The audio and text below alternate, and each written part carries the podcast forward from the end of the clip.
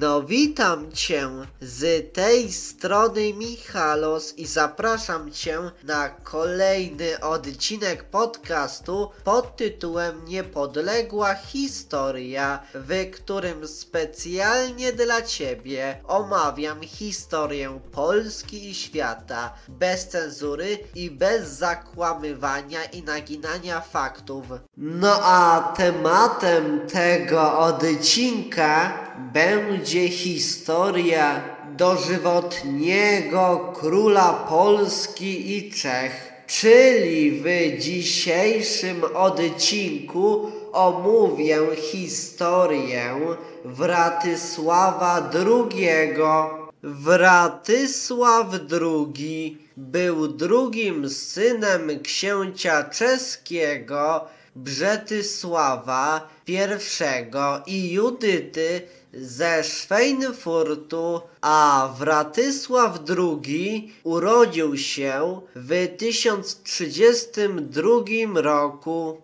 Na arenę polityczną wstąpił w 1054 roku, kiedy to jego ojciec wydzielił mu udzielne księstwo na Morawach ze stolicą w Ołomuńcu, którym współrządził wraz z braćmi Konradem i Ottonem. No a w 1055 roku po śmierci swego ojca, czyli Brzetysława I, popadł Wratysław II w spór z jego następcą spity gniewem, który dążąc do zjednoczenia Czech w 1056 roku wypędził go z kraju, no ale w 1058 roku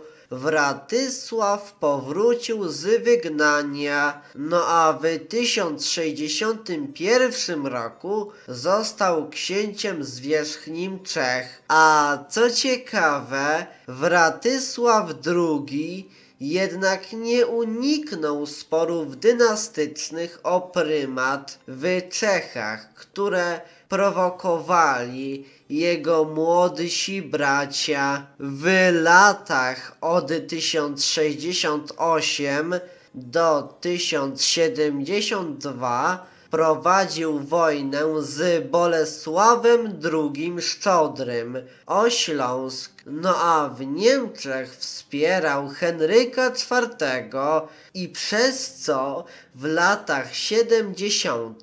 udzielił mu nawet schronienia w Czechach, no a od 1078 do 1079 poparł Władysława I Hermana w jego staraniach o tron w Polsce. Być może popierał również bunt przeciw Bolesławowi II, a dzięki zasługom dla cesarza Wratysław II w 1085 roku na synodzie w Moguncji został obdarowany dożywotnim tytułem króla Czech i Polski. Otóż Henryk IV, dając taki tytuł Wratysławowi II, chciał uświadomić, uzmysłowić papieżowi,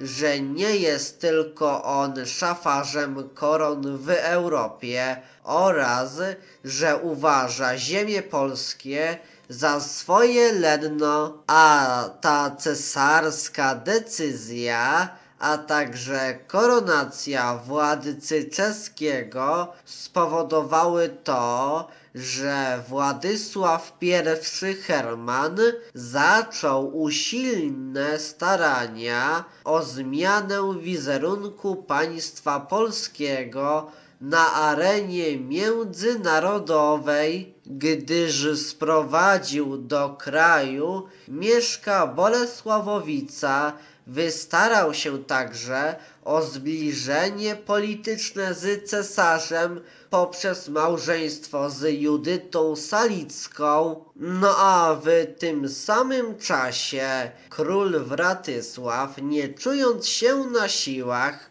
w podołaniu zadania opanowania Polski, no a w szczególności Małopolski i Śląska, zadowolił się trybutem płaconym mu przez księcia polskiego, a Wratysław II miał również ważniejsze sprawy na głowie we własnym państwie, w którym starał się zapewnić sobie pełnię władzy na Morawach. No a w 1091 roku, po nieudanej kampanii wojennej, doszedł do porozumienia z bratem Konradem, któremu obiecywał sukcesję po swojej śmierci, a Wratysław II zmarł 14 stycznia w 1092 roku, a następnie został pochowany